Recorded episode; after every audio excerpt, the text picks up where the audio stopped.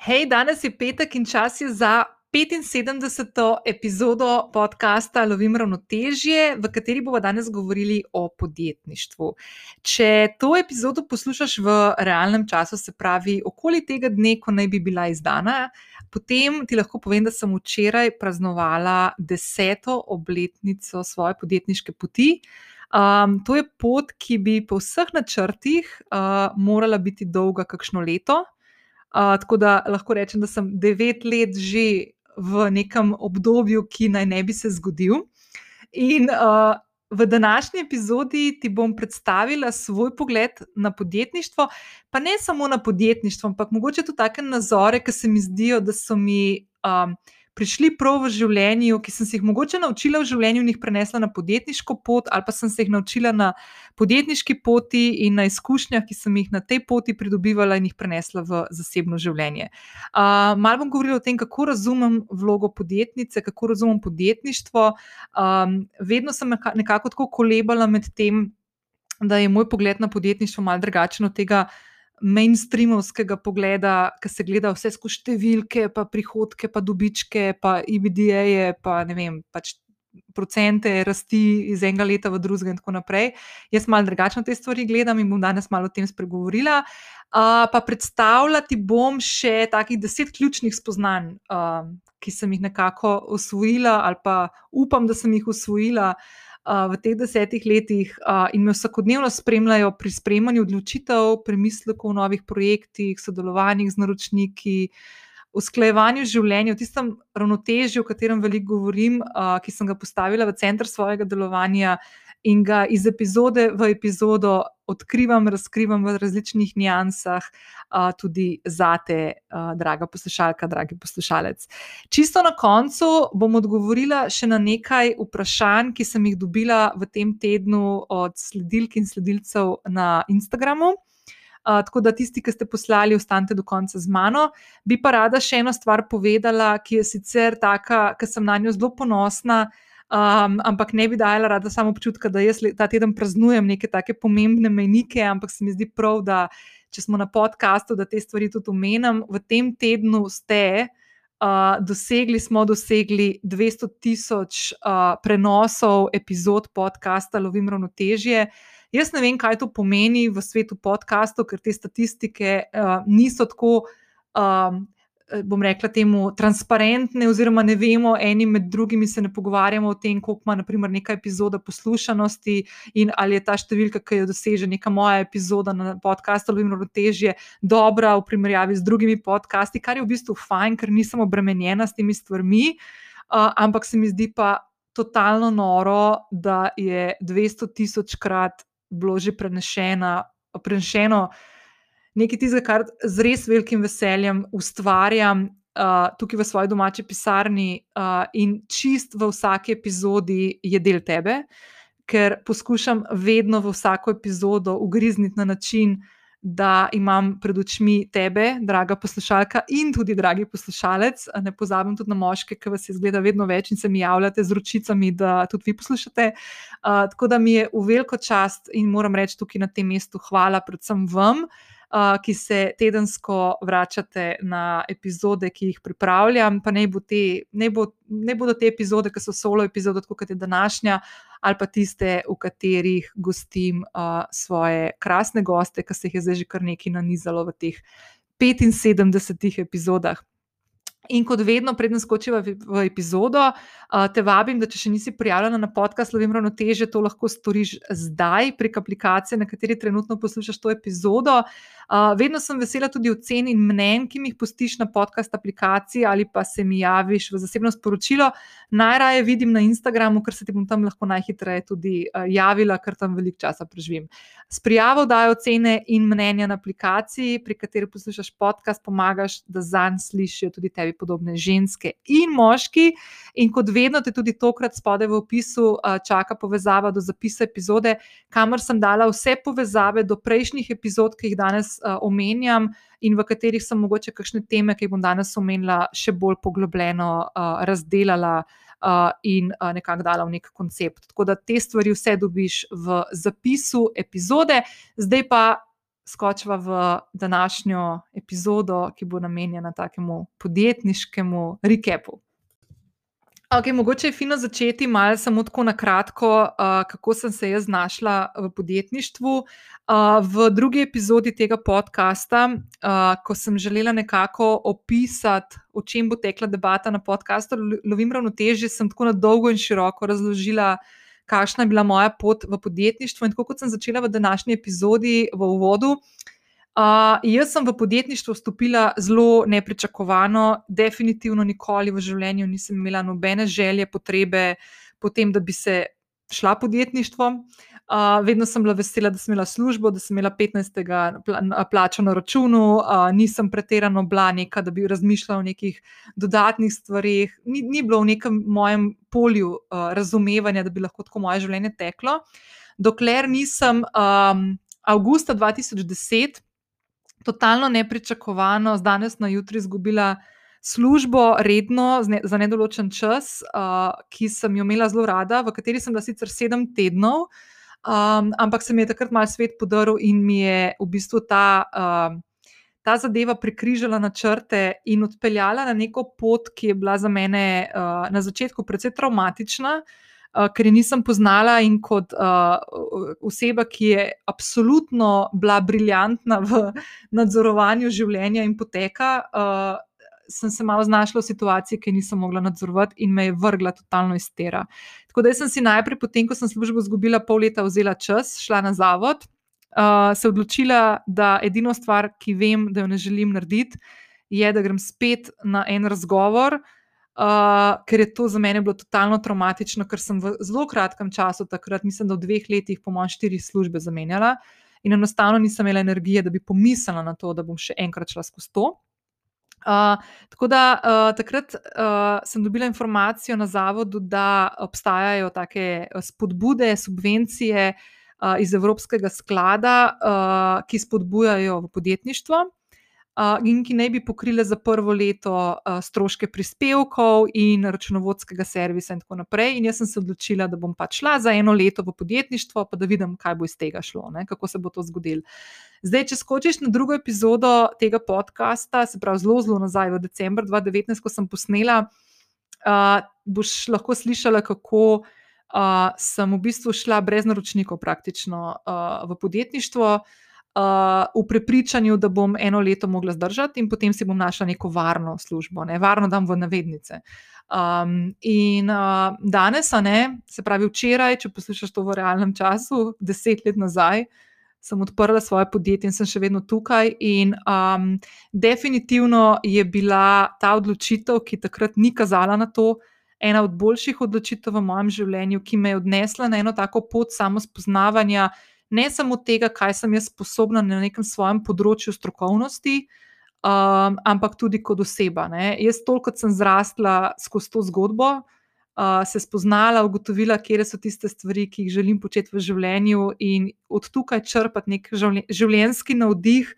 Konec koncev tudi zato, da zdaj pred tem mikrofonom v svoji domači pisarni govorim tebi, uh, v zvočnik ali pa v, mikro, ali pa v slušalke, uh, Uh, to se ne bi zgodilo, če ne bi takrat uh, se stvari tako zapeljale. In um, ena, taka, uh, ena taka stvar, ki me v zadnjih dneh uh, ko se je ta obletnica okrogla, bližala, uh, me je doskrat ujela na mojih sprehodih, uh, dnevnih, kot le porožnikov v Ljubljani, tečem in okoli. Um, je, da kako zanimivo je, kako včasih, ko pustiš določene stvari, čeprav se ti zdijo nore in neobvladljive in tuje, in kva se grem in kako jaz to mislim in kaj pričakujem, da bo se bo zgodil, kam šla v neko stvar, ki ne poznam kako se lahko določene stvari, če malo spustiš ta nadzor, pa se prepustiš enemu takmu toku življenja, te lahko odpeljajo v ful, ful, lepe smeri in ti odprejo en kupenih uh, vrat priložnosti, ki jih drugače ne bi videl. Um, tako da ja. Uh, zdaj, kako jaz danes gledam na podjetništvo, je um, mogoče tako malo drugače, mislim, predvsem dr precej drugače kot mogoče uh, naj bi gledali podjetniki na podjetništvo skozi neke številke. Jaz nikoli nisem bila blazno obremenjena uh, z nekimi številkami, z nekimi zneski in tako naprej. Dejansko sem imela do nedolgo nazaj. Um, Um, en tak strah, ki sem ga v lanskem letu, pandemskem, z, z, z, se smejem, ker mi je res noro, da je to se prav lani zgodilo, ampak ki sem ga mal presegla in prebila dejansko. In to je, da sem imela, tudi o strahovih sem že veliko govorila v peti epizodi podcasta in potem tudi v drugih epizodah, ki sem omenjala vmes. Ampak uh, Jaz sem bila vedno blazno prestrašen človek in poleg teh običajnih strahov, s katerimi se ljudje, ki grejo ali pa želijo iti v podjetništvo, srečujejo, se pravi, vem, strah pred neuspehom, strah pred tem, da moja poslovna ideja se ne bo izkazala za dobro, strah pred tem, da ne bom mogel plačati računov in tako naprej. Sem imela še en strah in to je bil strah pred uspehom, ki je bil povezan s tem, da sem imela izrazito nezdrav odnos do denarja um, ki me je dejansko omejeval um, in mi ni dovoljeval, da bi rasla na svoji poti. Pa ne rasla v tem, da bi več zaslužila, samo, ampak da bi rasla v tem, da bi delala tudi projekte, ki so bili mogoče malo večji, malo bolj ambiciozni. Um, nekako se nisem videla, vedno sem se tako malo tlačila dol, no, če si iskreno. In to, to do nedolgo nazaj. No. Lahko rečem, da lansko leto se meni ta preboj zgodil. Um, in o tem govorim, mislim, da v 64 epizodi, ko sem govorila o tem, kakšna spoznanja sem.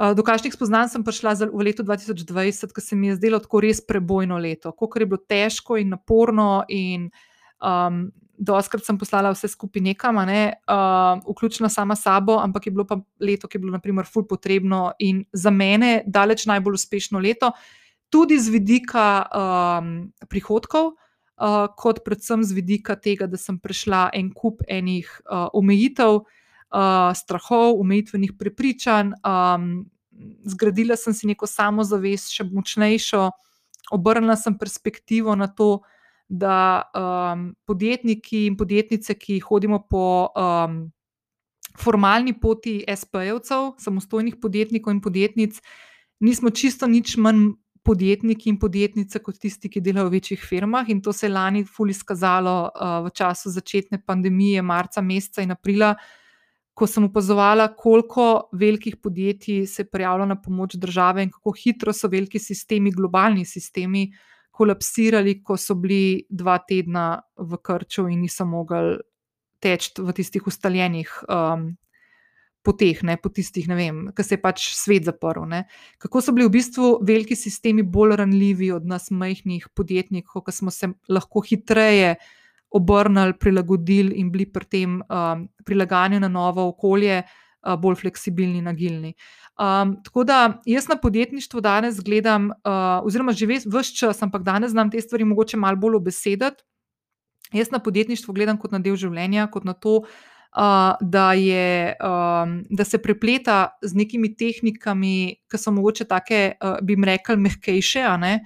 Um, osebnostne, čustvena inteligenca, komuniciranje, uh, odnosi. Uh, meni je to blazno pomembno, tudi jaz, naprimer, na podlagi tega in teh spremenljivk uh, v svojem vrednostnem sistemu ocenjujem druge podjetnike, voditelje in, um, in ne, ne ocenjujem, ampak um, se zgledujem po tistih, ki so primerljivi, oziroma ki nekako izražajo um, ta način pogleda na, na, na podjetništvo, na življenje podjetnika, na svo, življenje svojih zaposlenih, in tako naprej. Tako da mene te številke, pa te stvari, vse fajn in lepo, ampak um, en kup enih drugih stvari je.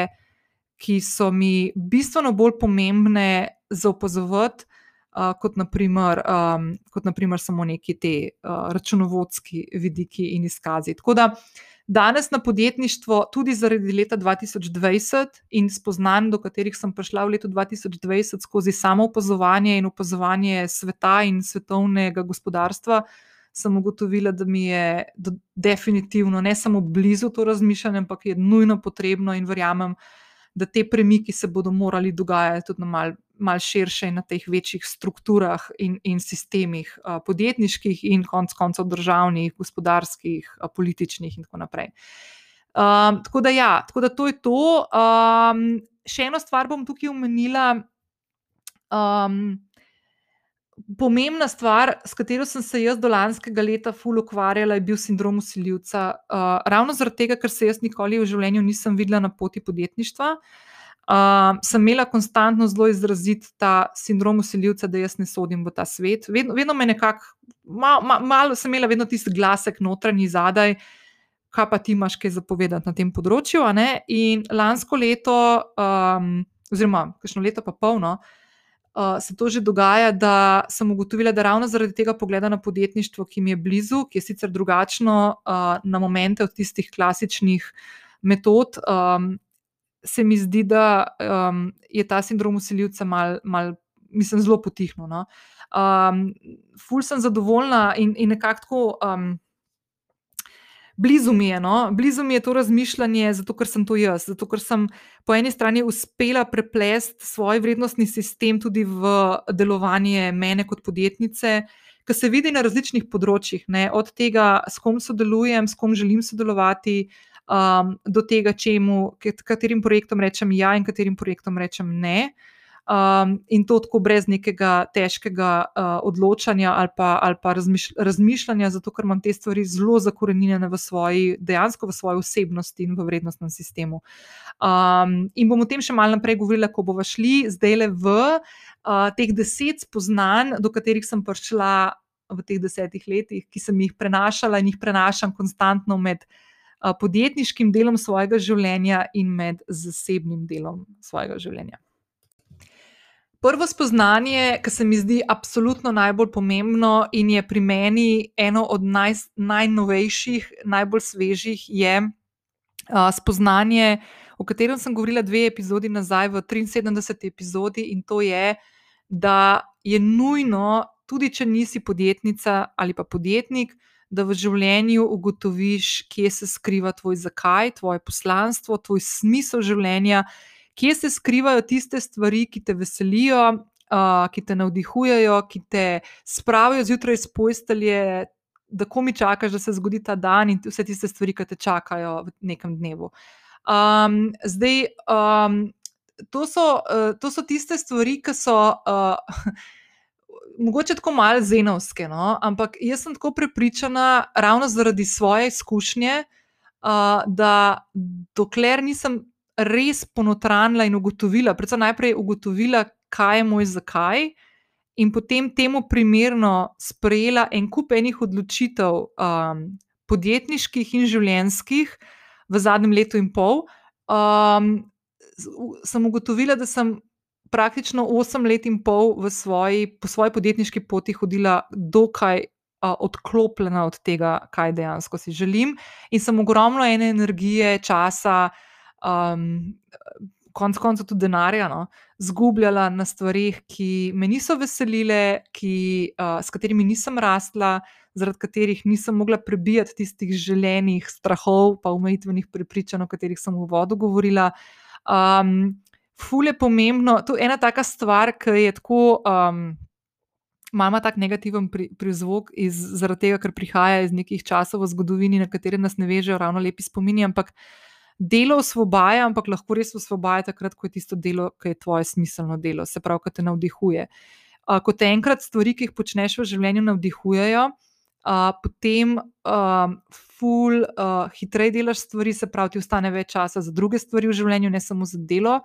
Se pravi, lahko lahkotneje loviš to ravnotežje, malo boljš, kot bi ga sicer. Um, potem um, lahko si uh, razpolagaš s svojim časom, naučiš se besedo ne, ki je najpomembnejša stvar, ki se jo treba naučiti v življenju, s tem postavljaš meje sebi in vsem ostalim, uh, ščitiš tiste stvari, ki so tebi pomembne. Um, bom prišla pol do vprašanj, uh, ki sem jih dobila, ampak veliko, na veliko vprašanj se bom mal vrnila na ta zakaj. Ne? Ker uh, kako najdem podjetniško idejo, kako vem, če imam deset idej, katera je tista prava, to vse prihaja iz tega uh, moraš narediti neko tako selekcijo, in te selekcije ne moreš narediti, če se prej ne usedeš, vzameš časa, prostora, tišine, uh, zato da se poukvarjaš um, s temi rečmi, s tem vprašanjem. Um, jaz sem ravno zaradi tega. Uh, pred uh, parimi meseci dala v svojo spletno trgovino delovni zvezek, kako najdeš svoj zakaj. Uh, bom polinkala tudi v zapis te epizode, Uh, zdi se mi ful pomembno, da, um, da, da vsak od nas nekako najde tisto žarke ali pa tisto strast um, v življenju, ki te vodi Zdaj, če rečem do sanskega življenja, je to mogoče malo tako patetično, ampak do življenja, ki ga želiš živeti, karkoli to zdaj je, do tega ne moreš priti, če, to, če ne vložiš noter pač nekega kroga, ki ga vtečeš sam sabo, samo refleksije. To so stvari, ki niso enostavne, niso pa take, ki se jih ne da narediti. Uh, zahtevajo čas, zahtevajo prostor, zahtevajo tišino, zato da slišiš svoje misli, zato da slišiš svoje srce, zato da znaš neke povezave narediti uh, med uh, zadevami, ki jih počneš v življenju in zadevami, ki jih želiš početi.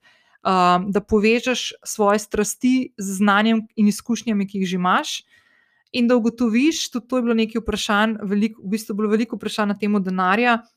Um, jaz sem ena od tistih ljudi, ki sem prepričana, pa se zavedam, sem realist, pa to, ampak se, zaved, se zavedam, da je denar pomemben in vse. Ampak treba je začeti pri strasti. Treba je začeti, pri, če hočeš biti na dolgi rok teč, moraš biti do tega, kar počneš, strasten. Če, če nimaš iskric, pa uh, radovednosti v sebi, iskric v očeh, uh, če ne vidiš priložnosti, uh, če greš vsak dan tako s težko nogo v dan, uh, potem je tudi narčis brez, brez pomena. Uh, ne prenese tistega, kar mislimo, da prenese. Uh, ko prihajamo iz strasti, uh, pridejo tudi ostale stvari. Tako da na začetku je treba razmišljati o tem, kaj si želim početi, kako si vidim, da tečejo moji dnevi, uh, kako si želim, da tečejo moji dnevi, um, in kaj bi v življenju počela tudi za ston. Pa to ne pomeni, da bomo zastonjeni, da ne bomo bili plačani za svoje delo. Absolutno ne, niti slučajno. In jaz sem full pristaš tega, da vsak mora biti pošteno plačan um, za svoje delo, za svoje znanje, za svoje izkušnje.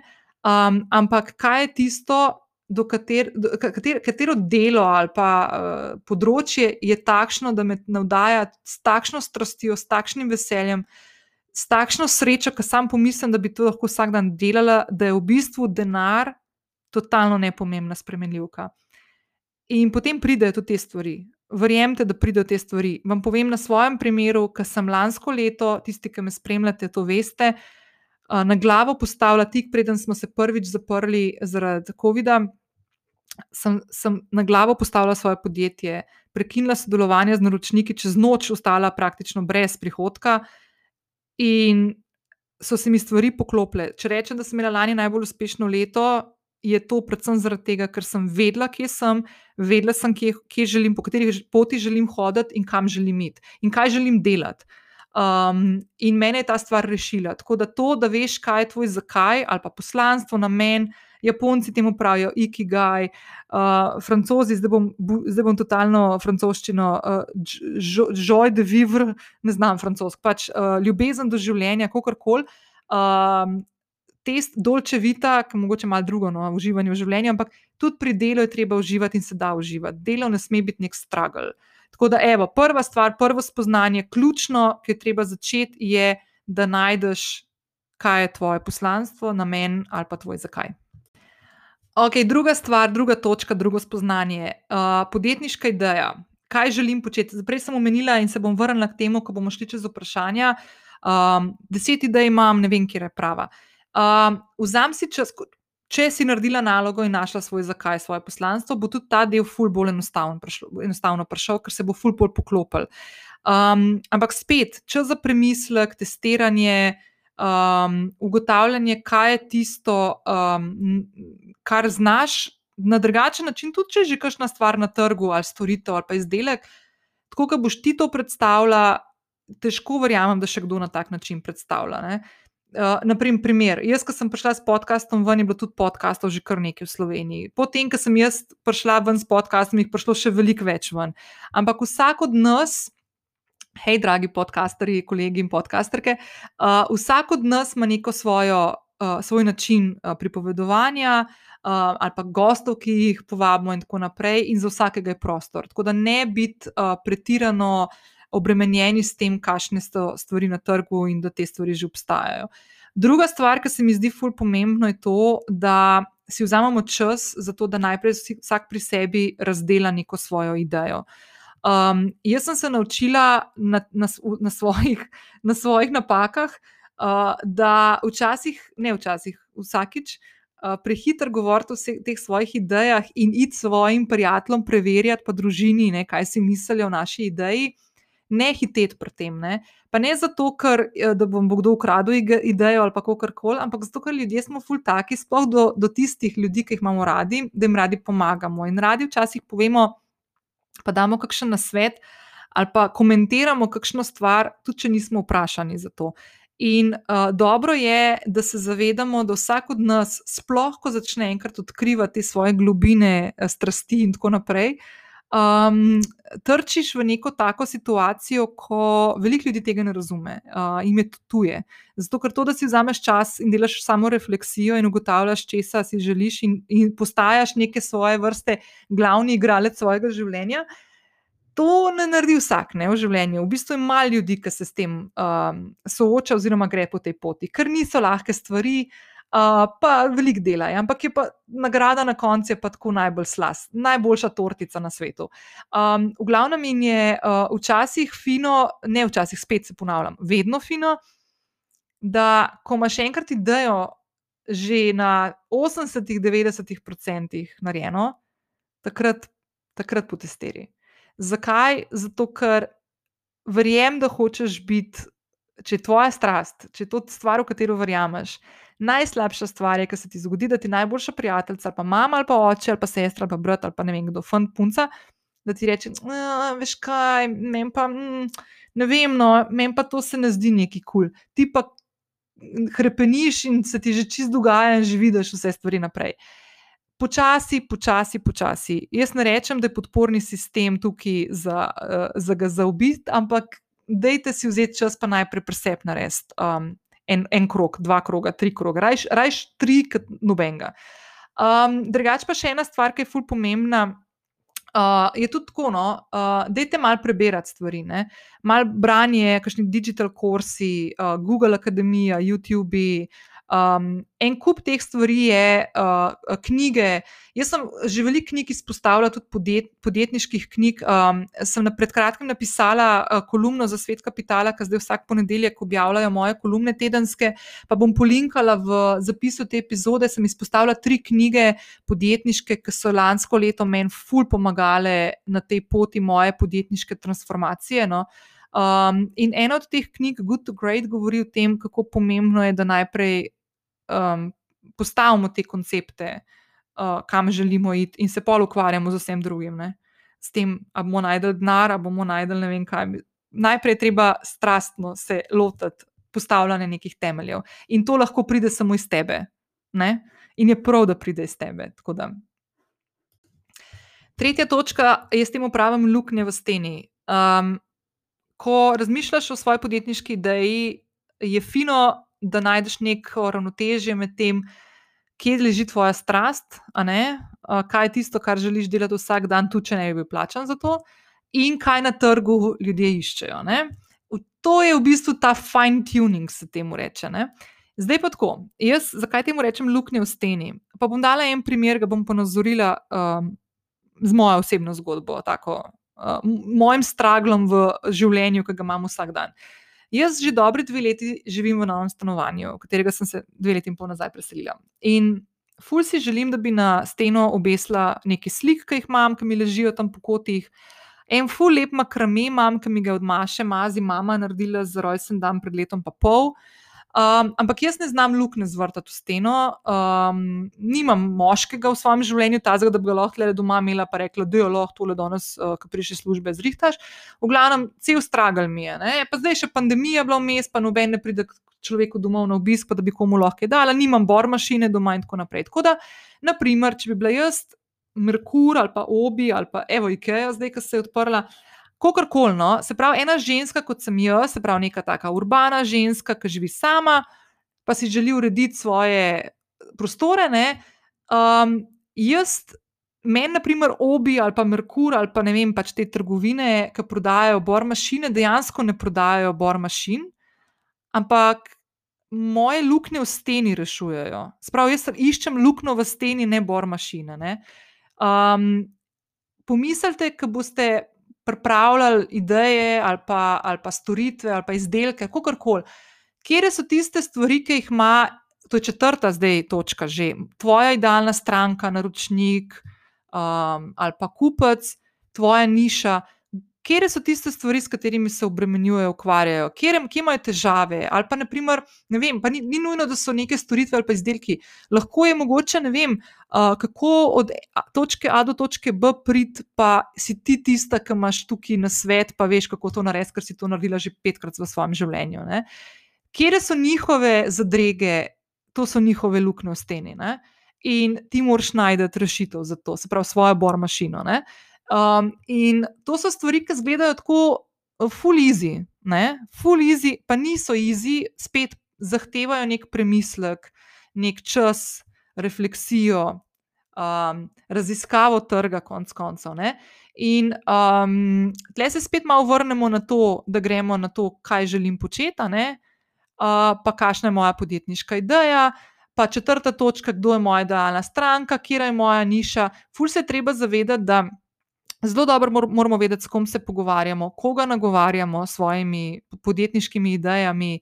Zavedati se je treba, da če želimo, če tega nimamo, če, se, če rečemo, eh, vsi so moja, ne vem, imamo naprimer, ne vem, en, en izdelek, vodo, vodo prodajamo, ki vsi pijemo vodo, ampak niso vsi ljudje tvoja ciljna skupina. Ne?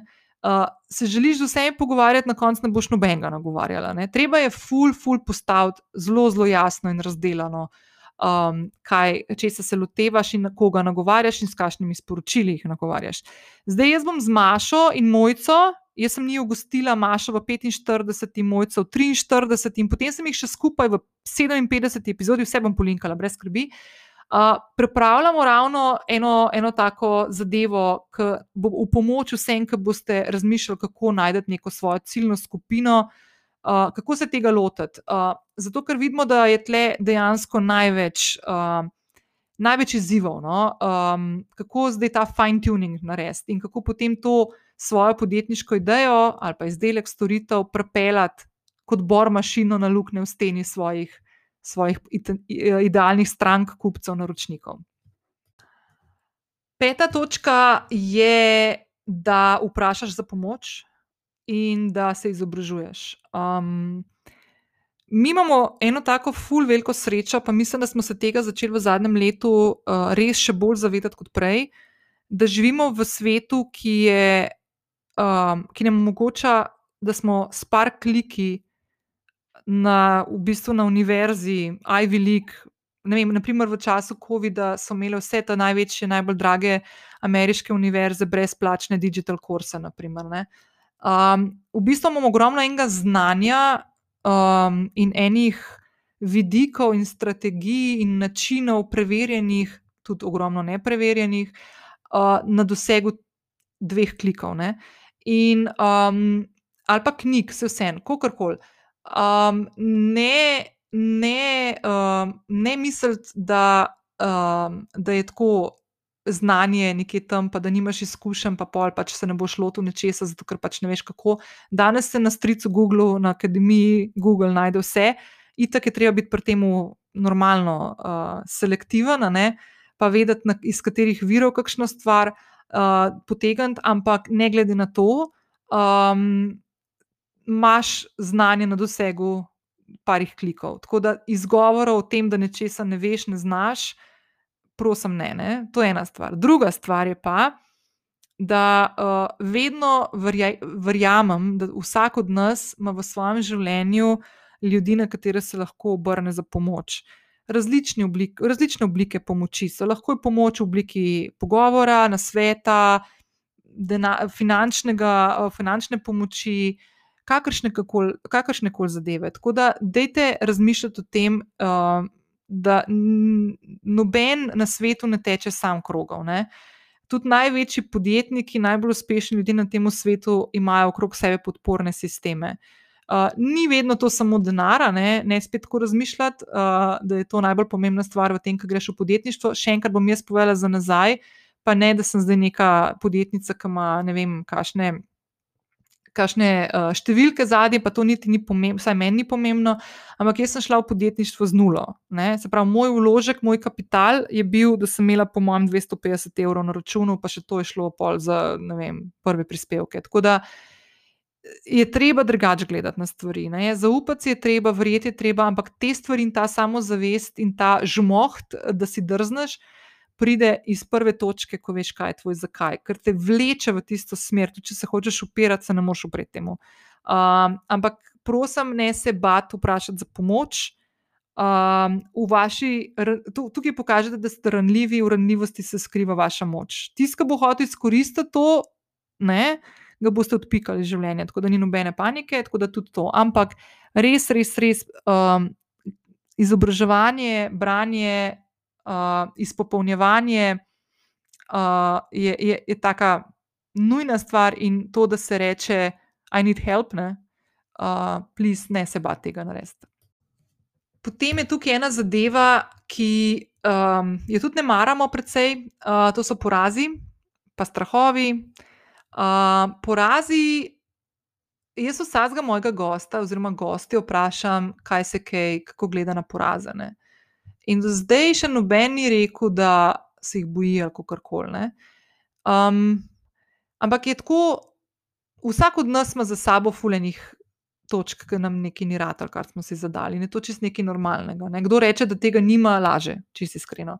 In konec koncev, ne, če kdo reče, da tega nima, jaz ne morem take osebe resno imeti, zato ker očitno nekaj ni ne špila. Ne. Uh, porazi so stvari, ki so ponavadi, no, 90-95% so taki, ki pridejo z namenom, ne, da se od njih kaj naučimo. Jaz sem en kup enih takih stvari v življenju dala skozi, sem o tem tudi govorila. Um, v strahovih v peti epizodi, pa v porazih tudi zelo velik že, pa v omejitvenih prepričanjih v 30. epizodi, tam sem tudi par porazov naštela in tako naprej. Meni se zdi to ful pomembna stvar. No?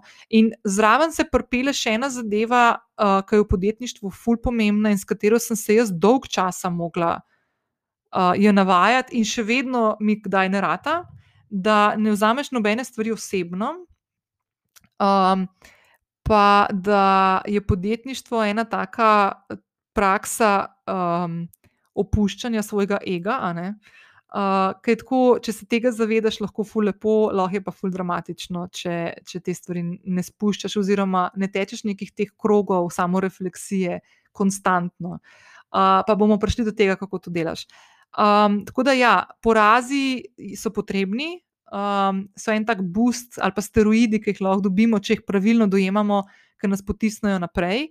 Um, pa osebno, osebno uh, lahko smo ful čustveni, lahko smo ful ranljivi, lahko smo vse, kar od tega, ampak probimo vedno razumeti, da na koncu je to biznis. Um, 8 ur na dan ne bi trajal, pa od tega ne bi bila malo malce še vmes. Tako da ne tega imeti osebno in kada je konc sveta, ko se neka stvar zgodi. Um, vsaka stvar pride z nekim namenom. Če sem se jaz kakšne stvari naučila v letu 2020, oziroma v zadnjem obdobju, zadnjih 12 mesecev, je, da edina stalnica so spremembe, pravijo, in mislim, da to še nikoli ni bilo tako očitno kot zadnje leto.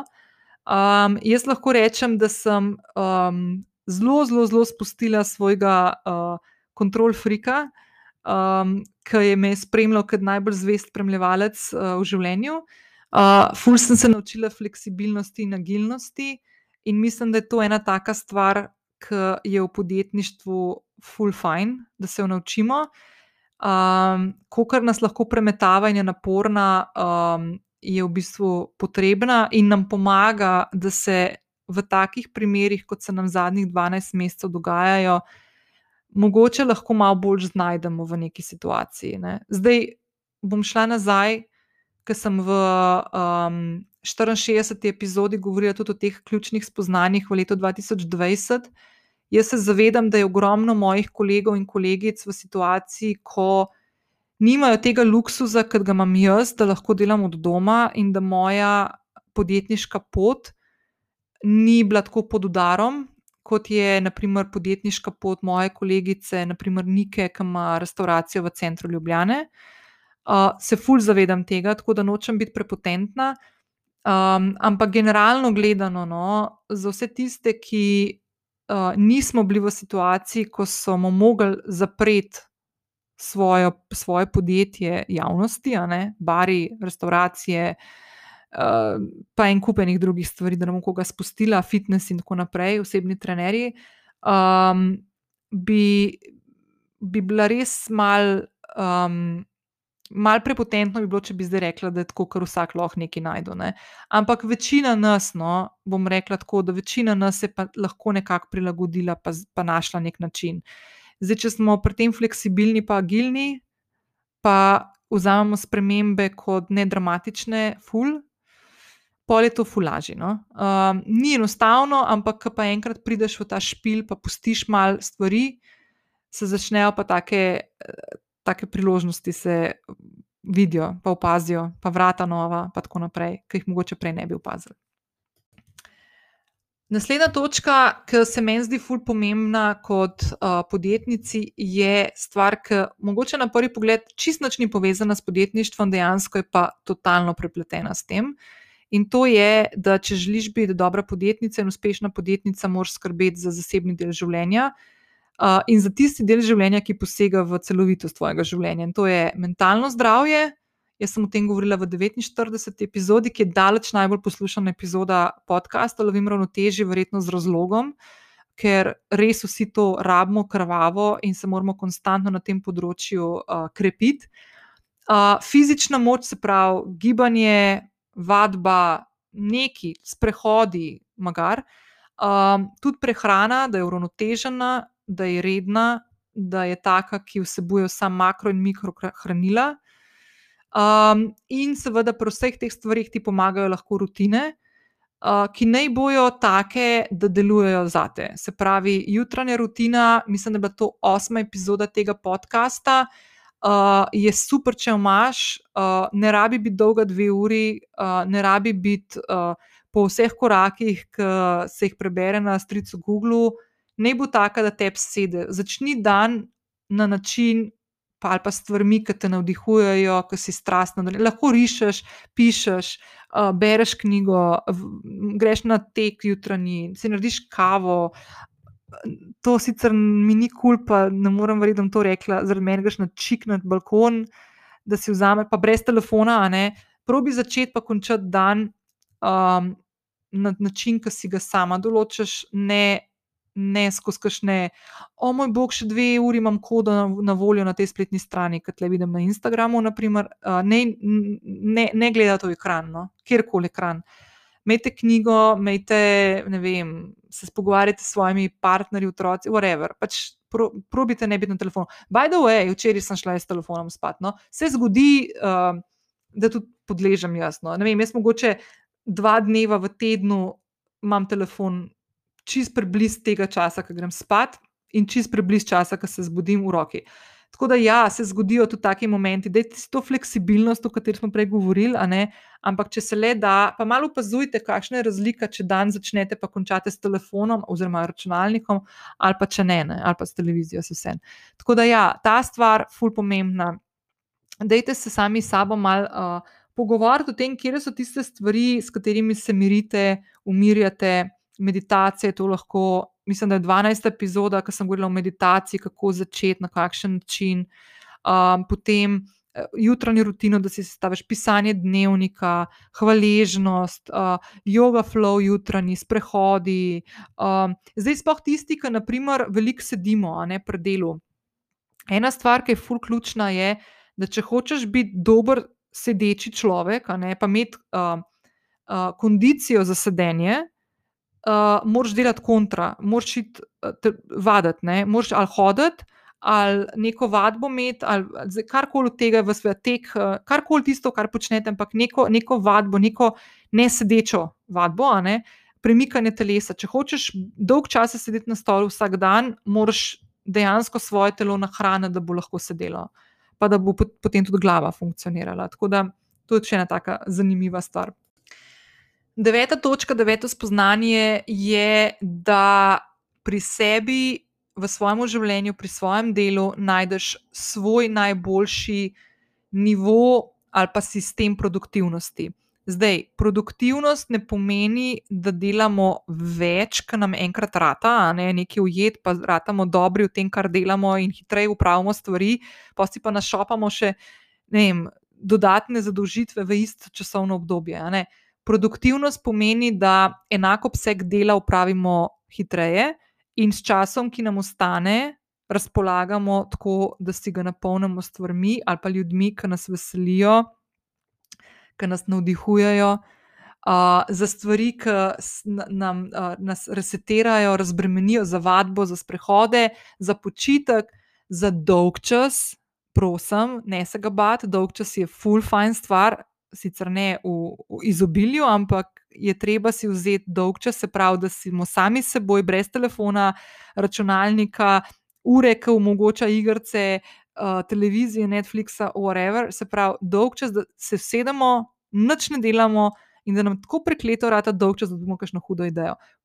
Evo, tisti, ki iščete idejo, ki jih imate deset, ki ne veste, kje začeti, tudi v takih momentih se lahko iz, izkristalizira, kje je tista pot, ki je ta prava. Um, jaz sem med 24. in 29. epizodo, šest epizod namenila tega podcasta, namenila produktivnosti, tehnikam, ki jih lahko upeljete, um, kako organizirati različne, različne dele. De, uh, dela, se pravi, vem, e-mail ali pa svoje folderje, mapce, naloge, in tako naprej. Tako da, če vas to zanima, skočite tja, na zapisu epizode je povezava in lahko pridete tja. Ta zadnja točka, ta zadnjo spoznanje je pa moje najljubše spoznanje in to je, da se imejte fajn v življenju, tudi pri delu. Uh, to lahko naredite, če vseh teh devet prejšnjih točk poklukate. Um, in eno stvar, ki mi jo je ena od tistih knjig, ki jo boste našli na povezavi do kolumne na svetu kapitala, uh, bo, vas, jo, vas jo bo naučila, je, da To sem se lani naučila od Romana, um, uh, mojega mentorja, ki sem ga tudi gostila, pa bom polinkala pogovor z njim uh, v zapis epizode. Um, sem se pri njemu na Leader in Flow programu naučila, da življenje in delo ne bo kot igra brez konca. Kar pomeni, da mm, imejmo svoja pravila, poslušajmo svojo intuicijo in ne biti obremenjeni in osredotočeni samo na cilj. Uh, ne vem, prodanih tisoč izdelkov. Super zadeva, cilje se je fino uh, lotevati in jih dosegati, ampak dajte uživati na poti do tja. Naučite najti načine, ki vas bodo navdihovali in polnili z energijo, ki se boste smejali, ki boste po tej poti hodili. Um, vsi čist preveč resno jemljemo delo in življenje nasplošno, uh, treba se malo sprostiti. No? Uh, stvari so lahko bistveno enostavnejše, zabavnejše, prijetne. In če hočemo teči na dolge proge, kar konec koncev delo je in življenje lahko je, uh, je fajn, da se zraven zabavamo. Ok, to so bili ti, uh, ta prvi del podcasta, ki sem ga uh, hotela danes nameniti uh, nekim spoznanjem um, te desetletne poti, ki bi mogla biti dolga eno leto po podjetništvu. Uh, Um, jaz upam, da ti je kaj prav prišlo. Uh, zdaj se bomo pa lotili še nekaj vprašanj, ki sem jih dobila, malo sem jih skupaj starala. No? Uh, pa ene par vprašanj bom na koncu uh, izpostavila, uh, na katere ne znam odgovoriti. In tudi to je del normalnega življenja, da nimamo odgovorov na vsa vprašanja. Uh, bom pa imela v mislih, da mogoče kakšnega sogovornika najdem, ki bi pa znal v prihodnosti na te stvari odgovoriti. Ampak večino vprašanj bom pa zdaj v njih ugriznila. Tako da prvo vprašanje je, kako začeti. Uh, čist sem zmedena, glave imam na stotih koncih, vse je počela, hkrati se zaradi tega ne premaknem nikamor in si ne upam narediti prvega koraka. Malo sem že govorila danes v tej epizodi o tem, kako pomembno je, da najdemo čas in prostor in tišino, da premislimo o naslednjih korakih. In ena od stvari, s katero si lahko ful pomagamo, tudi na to, da dobivamo na tej samozavesti pri odločanju, sploh pri teh kakšnih odločitvah, ki so tako malce bolj konkretne, ki se zadevajo nekega. Uh, daljšega življenjskega obdobja, kot naprimer vstop v podjetništvo ali pa v neko podjetniško idejo, je lahko je, uh, je to, da vemo, kje je naš zakaj, kaj želimo, česa ne želimo. Seveda je ful pomembna stvar tudi to, ali na trgu obstaja potreba po nekem izdelku ali pa storitvi ali pa podjetniški ideji, kako koli je prostor za to, ali je, ali je povpraševanje po tem. Ampak to nam na koncu ne pomeni, če ne bomo strastni pri tem, kar delamo. Um, jaz vedno rajš svetujem, da gremo iz sebe ven, Se pravi, da najprej najdemo strast in potem to povežemo s stvarmi, ki jih lahko delamo, ker smo strokovnjakinje na tem področju, ker imamo izkušnje na tem področju, ker je popraševanje po tem področju in z tega lahko razvijamo neko podjetniško idejo, ali pa konec koncev najdemo zaposlitev. No? Um, ampak dejte razmišljati o tem, da začnete iz sebe izhajati. Zdaj, malo self-promotion tukaj. Jaz sem ravno zaradi tega ti delovni zvezek, kako najdeš svoj zakaj, naredila pa potem še enega, uh, kako presežeš omejitvena prepričanja in strahove z roko v roki. Uh, imam celo paket, bom polinkala v zapis epizode, ga lahko ujamete z nižano ceno, tako da greste lahko tja. Ampak, um, ful se mi zdi pomembna stvar, da uh, se poigravate s temi stvarmi, vas, z vprašanji, ki vas lahko vodijo do tega, da najdete, kje, kje je poslanstvo vaše, kje je vaš namen. To niso stvari, ki so enake vsem. To ni stvar, ki, naprimer, greste na moj Instagram ali pa Twitter ali pa LinkedIn ali pa kamorkoli, pa v mojem biotu na vseh omrežjih preberete, lahko vidite, kaj je moj zakaj, ker sem ga noter zapisala. Um, ne morete to kar copy-paste, pa postaviti, pa narediti, pa prilagoditi, pa par besed zamenjati. Res morate to ponotraniti, ker kad enkrat to ponotraniš. Pol je to zmedenost, lahko, um, se jo lahko lepo upravlja z njo, jo da na stranski ter, in se premakneš naprej, ker ugotoviš in se osredotočiš na stvari, ki so ti ključne, in narediš prvi korak. Ker ne moreš zdaj narediti koraka prvega, ker ne veš, kam ga narediti. Tako da to. Druga stvar, drugo vprašanje. Kako veš, da je ideja prava in dovolj dobra za realizacijo, kaj v primeru, da ti spodleti, in kaj, če vložiš vse trud, denar v nekaj, in ko, zveš, in ko to izvedeš, ugotoviš, da te ne veseli več. Bom začela na koncu, ker je to, to kar sem govorila prej. Zato je ful pomembno, da narediš ta prvi del. Se pravi, da veš, da prekleto dobro v sebi veš, kaj hočeš, kam hočeš, česa nočeš, kam nočeš. Se pravi, kaj je tisto, kar želim, kaj je tisto, do česar sem strastna. Potem greš naprej v druge stvari. Ker enkrat imaš te stvari razdeljene, je možnost, da se ti druge stvari zgodijo, da ti spodleti, ful drugače. Mislim, ne, da bom rekla, da so nemogoče, ampak so uh, bistveno teže lahko pride do tega, plus, če pride do tega, veš, da si naredila vse v svojih najboljših močeh in da si bila zvesta sebi in svojim primarnemu glasu, ki ga nosiš v sebi, ki ga ima vsak od nas v sebi, samo do njega treba priti. Zdaj, kako veš, da je ideja prava in dobra za realizacijo? Kot sem rekla, eno je, da prihaja iz tebe ta strast, da veš, da je to neka taka stvar, ki jo lahko delaš vsak dan, tudi zato nisi plačana. In druga stvar, potem začneš gledati svojo ciljno skupino, nišo, idealno stranko, kupca, naročnika in, in iščeš ta presek med tema dvema stvarima. Um, vzame čas. Um, Vzame čas za premislek, tudi za testiranje, in tako naprej, ampak jaz enostavno in iskreno ne vidim te poti drugače. Bom še enkrat se mal vrnila na začetek svoje podjetniške poti. In ko sem vam povedala, zakaj sem sploh šla na podjetniško pot, ker res ni bila taka, ki bi si jo želela ali pa načrtovala ali pa vedela, kam, kam, v kam se podajam, pa plan je bil en let. Um, jaz bi si ful želela, da bi znanje in to spoznanje, kje se skriva moj zakaj, našla ne pred letom pa pol, ampak da bi ga našla pred desetimi leti in pol, ko sem izgubila službo na PopTV-ju in, in bi takrat rekla, ok, hudič, zdaj pa vem, ker bi bila danes verjetno še 66 tisoč korakov naprej. Pa ni tekmovanje, ni to fora, sem šla v svojem življenjskem ritmu, ki je bil ta prav, ampak lahko pa tega nikoli ne bi našla. In zdaj, ko gledam s temi očmi in s tem prepoznavanjem, kje leži moj zakaj nazaj, vidim en kup enih uh, porazov, napačnih odločitev, enega kupa ene energije in časa, in ljudi, ki so se vmes zapletali v razne zgodbe, ki bi jih lahko se izognila, pa šla pa svoj čas, pa fokus namenila za druge stvari, ki bi bile bistveno bolj učinkovite. Ampak, ful smo lahko pametni za nazaj.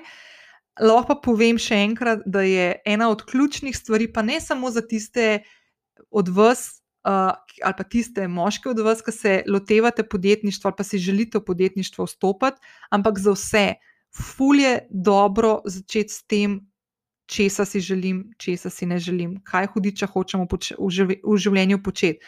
Velika števi, veliko, veliko vas je mlajših od mene, ne?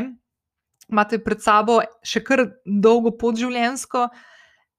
In ful bi bilo fajn, če bi vsak dan se zbudili, pa bili ful zadovoljni v svojem življenju. Vse ni vsak dan z rožicami poslan, a ne pridejo tudi zafrknjeni dnevi, ampak drugače z njimi upravljamo, če smo načeloma v življenju zadovoljni. In to zadovoljstvo lahko samo vi sprošite interno v sebi noter. Ne more ga, ne, ni, ni prav, da pride od zunaj ali pa da nekdo drug vpliva na njega. Naslednje vprašanje je, kdaj bomo ljudje nehali gledati na konkurenco in začeli združevati moči? v sanskem svetu bi rekla, da bi si želela, da včeraj. Uh, bom pa zelo iskrena, da uh, smo, po mojem, vsi malo krvavi pod kožo. In ena od stvari, ki je lani tudi mene malo zatresla, je bila tudi to, da sem bila v enem momentu malo jezna. Pa malo sem slabo reagirala na eno zadevo, ki sem jo bila upozorjena, uh, da se malo pojavlja. Um, ne vem, vsa, vsake toliko se ti zgodi, kakšen tak. Um, Kakšna taka stvar, ki vidiš, da nekdo ali tebe kopira, ali obtoži, da kopiraš, ali si konkurenca, se ni nujno, da gre za kopiranje, lahko si konkurenca in tako naprej. Ampak načeloma jaz lahko eno stvar drugo povem, no? da ne bom šla zdaj v te stvari. Um, malo smo si krvavi pod kožo, ampak je fajn, da se vedno nekako vrnemo v to, da več ljudi, kot bo okrog nas uspešnih, tudi če delajo na podobnih področjih ali pa se ukvarjajo s podobno storitvijo ali pa izdelkom. Uh, bolj bo okolje, v katerem vsi funkcioniramo lepše in, in boljše, in šlo naprej in rastlo. Tako da jaz bi si fulžila, da bi bilo tega več. Um, jaz sem full vesela, naprimer, ko lahko ali na podcast povabim kolege podcasterje, ali se kakšen javi in mi reče, hej, kako, kako, kako, na kateri platformi ti oddajaš podcast, z veseljem povem. Kdorkoli bo delal, se lahko kadarkoli name uglasi, pa bom povedala vse tisto, kar sem jaz v tem času odkrila.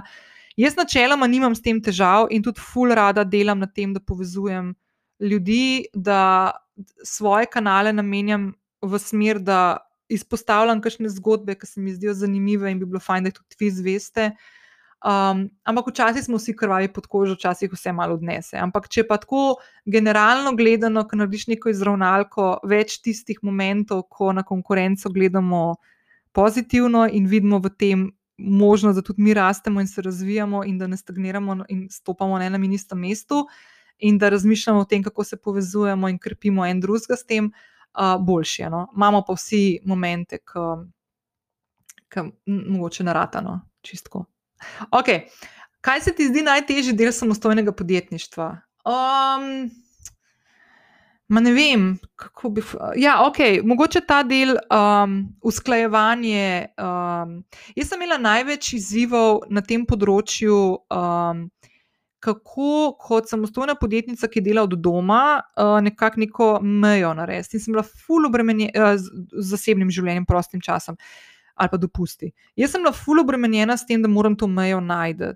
Uh, in zdaj sem prišla zelo organsko do tega, da ni nujno, da imam mejo, um, ampak da nekako najdem nek svoj način prepletanja vlog različnih. Um, teh življenjskih, zdaj ne vem, vloga podjetnice, vloga tete, sestre, hčerke, uh, ne vem, uh, prijateljice, uh, znanke, podcast, whatever.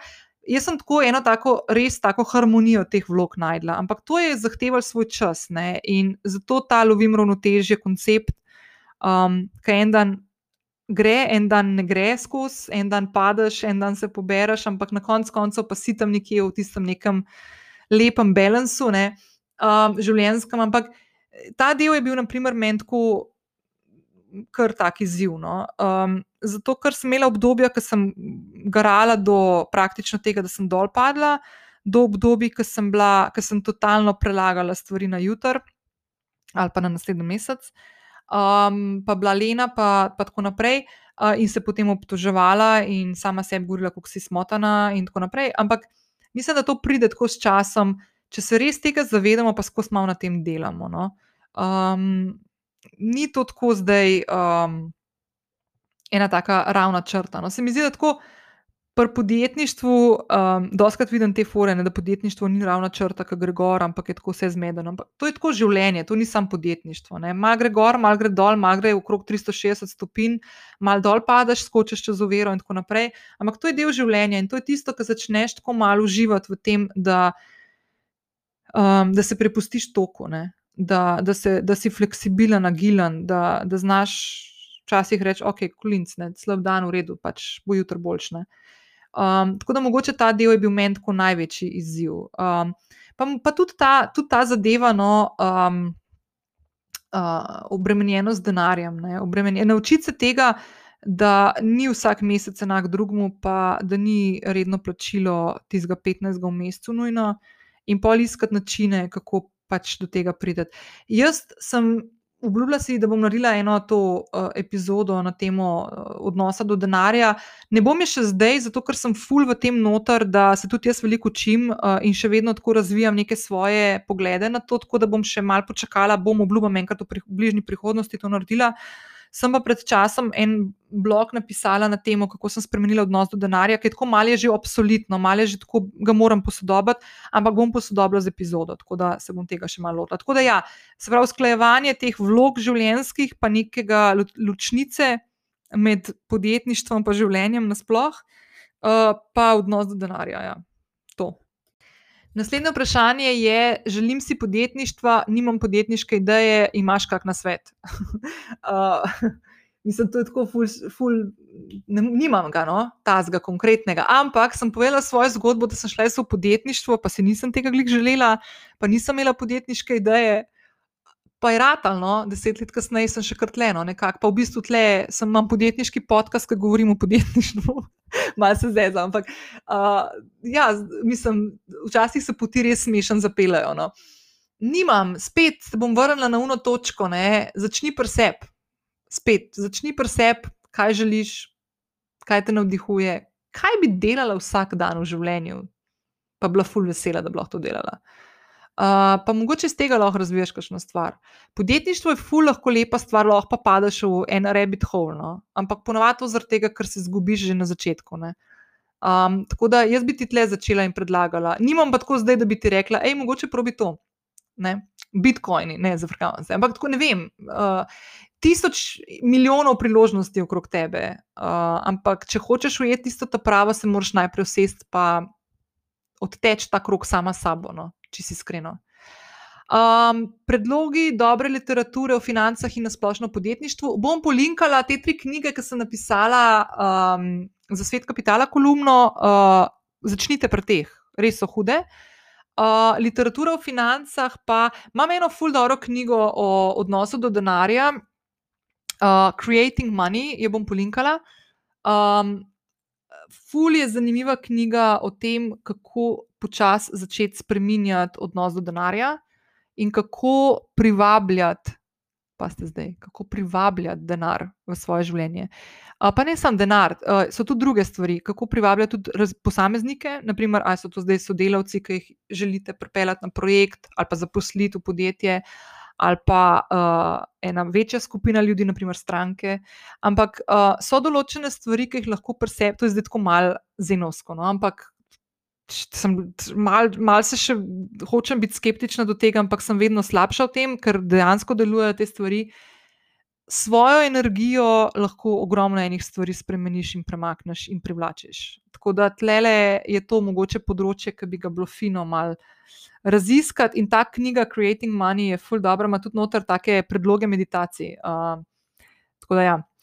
Ok, uh, kako se znebiti občutka, kaj bo, če izgubim stranke? Um, naslednjič, ko izgubiš stranko, se zahvali v misli. A se spomnite, sigurno ste vsi gledali to Marie Kondo, ki je pač ona pospravila stanovanje in vsakeč, ko da nek kos garderobe ali pa neko zadevo, nek predmet ven, je ta japonski sistem filozofije, da se zahvališ uh, stvari, ki ti je služila, in jo daš naprej. Ne? Ali v smeti, ali komu drugemu, ali prodaš na eBayu, bohi, kako koli. Uh, vsakeč, ko nekdo gre, zahval se. Primer, jaz sem včeraj poslala mailing in sem videla, da se je, ne vem, deset ali koliko ljudi, ali osem ljudi se je uh, odjavilo od mojih enovičk. Jaz sem vsakmu, sem pogledala listo in sem, re, in sem vsakmu zaželela lepo pot. Ker je nesmiselno, da imaš okrog sebe ljudi, ki od tvojih izdelkov, storitve, pa vsebino v mojem primeru, nimajo nič. Je brez veze. Kradeš čas sebi, kradeš čas njim. Vsakeč, ko nekdo gre, se zahvali mu, lahko pri sebi ali pa direktno, se vsem in mu zaželi srečno. In tako prvabaš pa tudi nove stvari, pa nove stranke k sebi. Kaj so ključne točke za pridobitev novih strank v storitveni dejavnosti? Um, hm. Ma jaz bom šla na te mehke stvari. Ena od teh je tale zdaj, ne? se pravi, da imaš tak odnos do vseh ljudi, ne? prijazen, spoštljiv, strokoven. Um, ful se pogovarjamo v življenju o tem, da je treba biti avtentičen, ne? ne se ukvarjati s tem, ampak bote to, kar ste, pa dodajte temu prijaznost, ustrežljivost, ne za vsako ceno, ne? ampak ste tukaj zato, ker nekdo rabi vašo storitev, strokovni bote, pošteni bote. In, um, in pa lahko zahtevate nazaj, oziroma ne zahtevate. Najprej boste dobili od ljudi, ki jim služite, peč, pečat, značko, da vam zaupajo. To je neka stvar, avtentičnost je pridobljena, ne, sprav, nekdo vam jo more podeliti, nekdo vas vidi, kot da ste avtentični, ne da rečete, da ste avtentični. Um, nekdo mora v vas prepoznati, da ste zaupanja vredna oseba na nekem področju. Ampak to lahko delate na dolgi rok, iz vsake odločitve v odločitev. Um, bodite odprti, sprašujte, če iščete partnerje pri nekih projektih, kot sem prej rekla, vprašajte za pomoč ali pa vprašajte, če kdo koga pozna, ki ga rabite, da se združite, mogoče s kom, ki je dober na nekem področju, pa ste močnejši pol kot dva. Fulje enih stvari, Mrež, mreženje, ki je zdaj sicer malo tako ne v tem času, ampak ja. Um, Tle je še eno vprašanje, kako dobiti prve stranke naročila, ko še nimaš veliko referenc.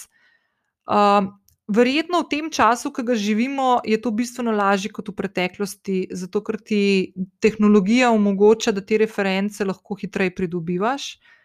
Um, digitalizirajte se, če se niste. Uh, dejte, kolikor se le da stvari na splet, uh, zberite ocene. Zato tudi jaz vsakeč na začetku, vse si malo grem na živce, ampak konec koncev meni veliko pomenijo to.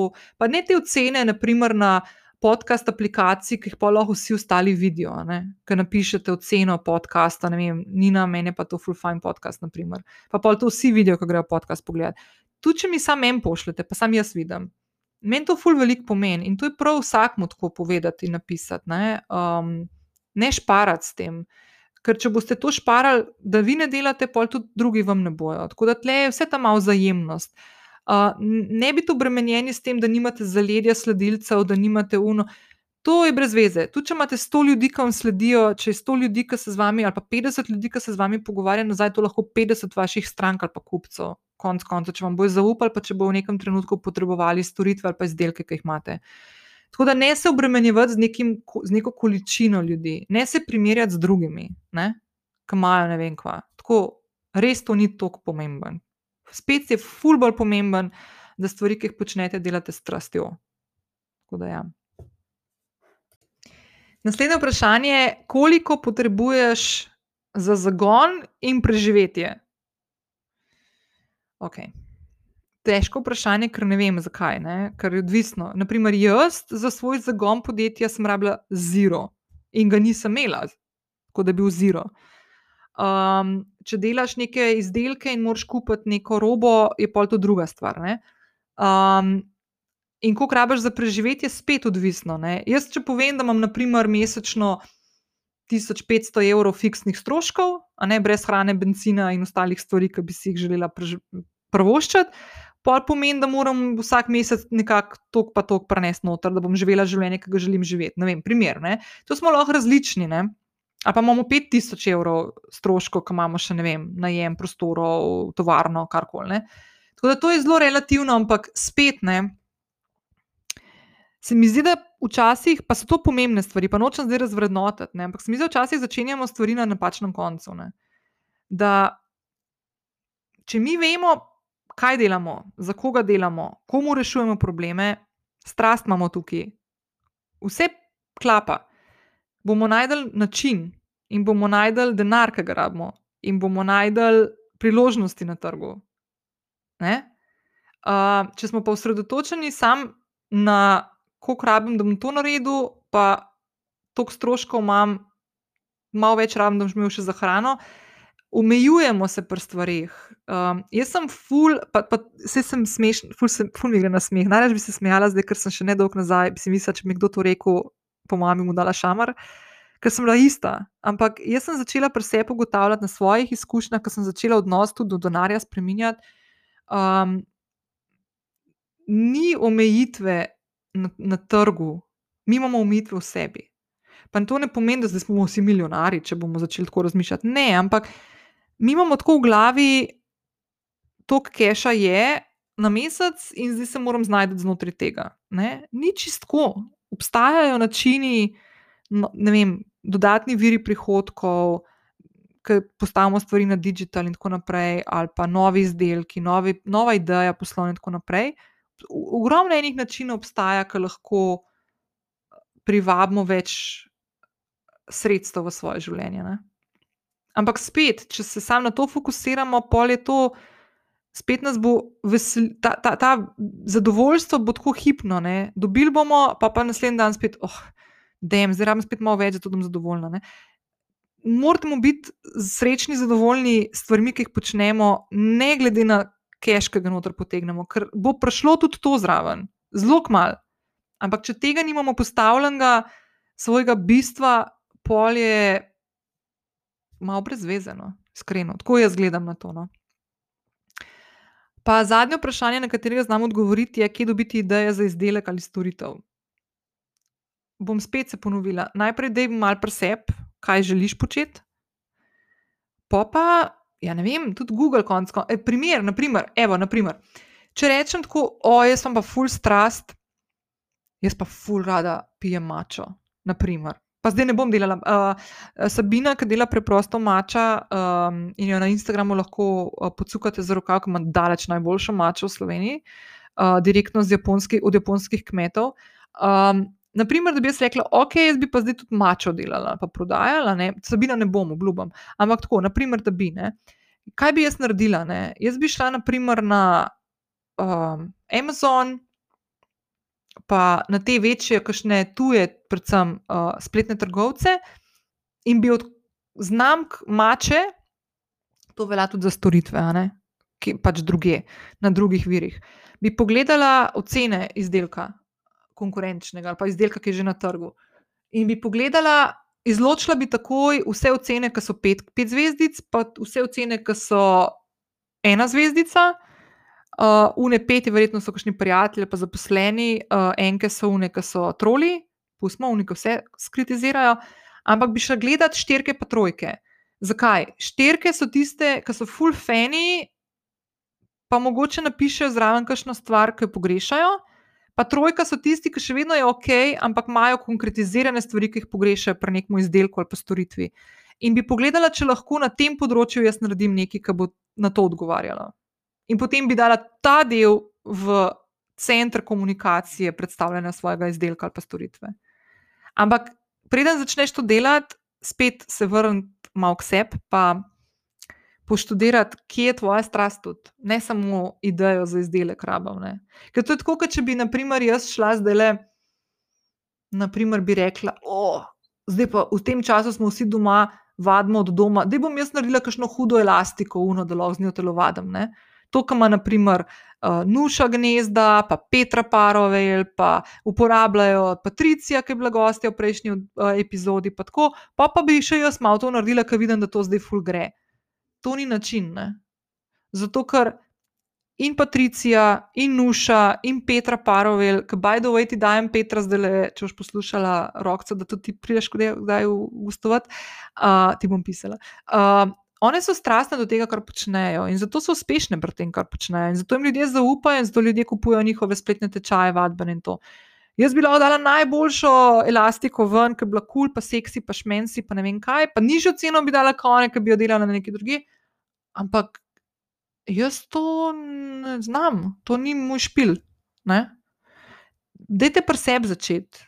Lahko iskaš nekaj hobija, lahko iskaš nekaj stvari, ki želite početi tako, tle je treba začeti, pa, pa začeti razvijati. Ampak, če bi pa hotla, kako kakšno idejo, nare, mislim, izdelek ali pa storitev, bi šla pa res te stvari malo pogledati, kako delajo drugi, kaj bi jaz lahko naredila boljš, kje vidijo, kje imajo manjko na trgu, ali pa kaj pogrešajo njihovi kupci, idealni ali pa stranke naročniki, uh, pa lahko mogoče jaz naredim. Ne? Tako da to je, se mi zdi, taka ful uporabna stvar. No.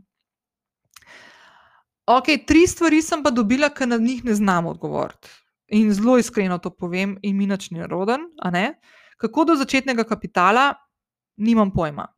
Obljubim, bom koga povabila.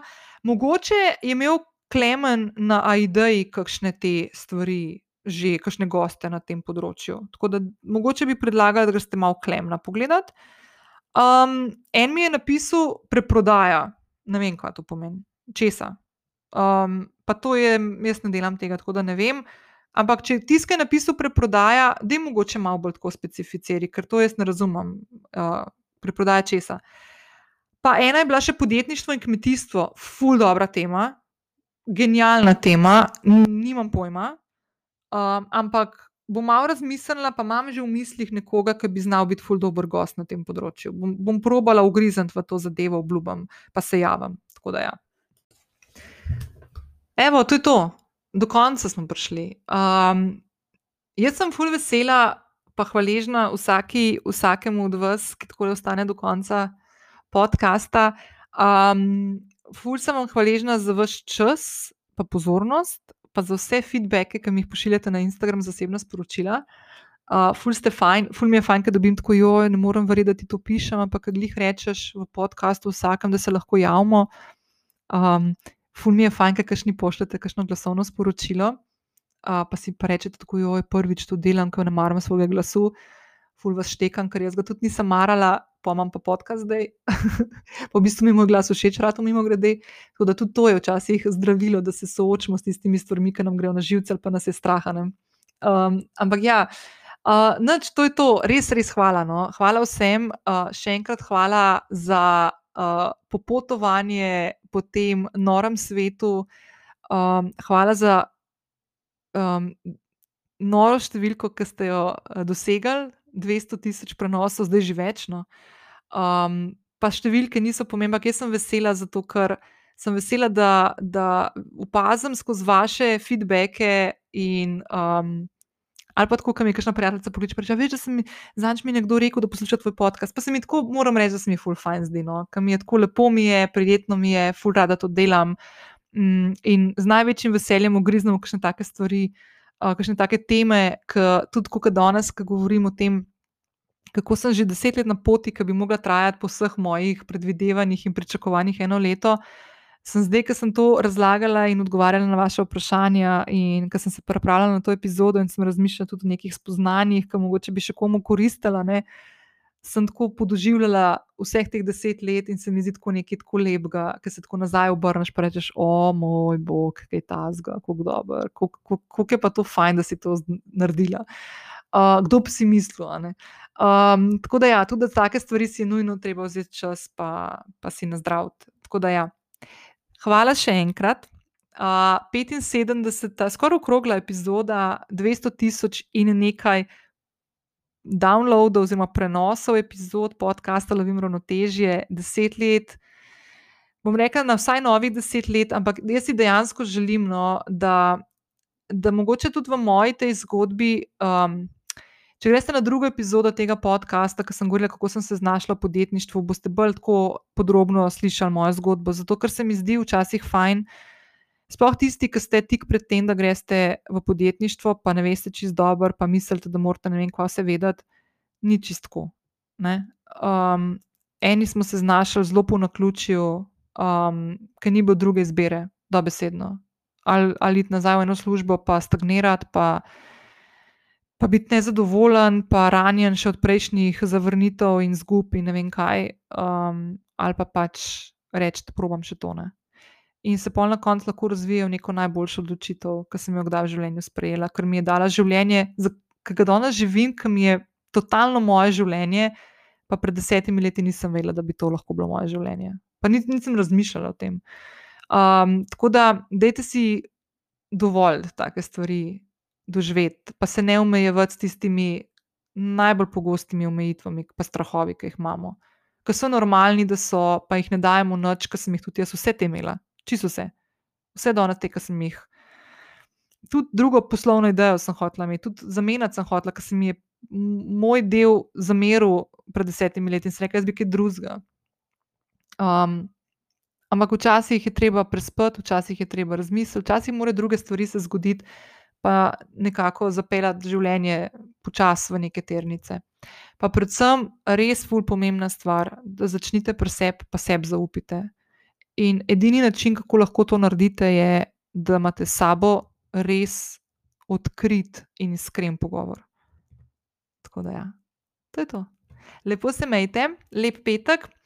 Naslednji teden je že marec, uh, pol bo že mal pomladna utrujenost, pa bomo spet, ma, spet mal ponovili, kaj nam lahko pomaga, da jo preženemo. Pa bo pa pomlad, pa poletje, pa dolgi dnevi, pa ko mi čakam. Tako da lepo se imejte, hvala še enkrat uh, za vse. Brez vas ne bi bilo tega podcasta uh, in brez vas ne bi tudi jaz uživala v tej moji strasti, da pripravljam vsebine za vas. Tako da hvala, hvala. Lepo se imejte, čau!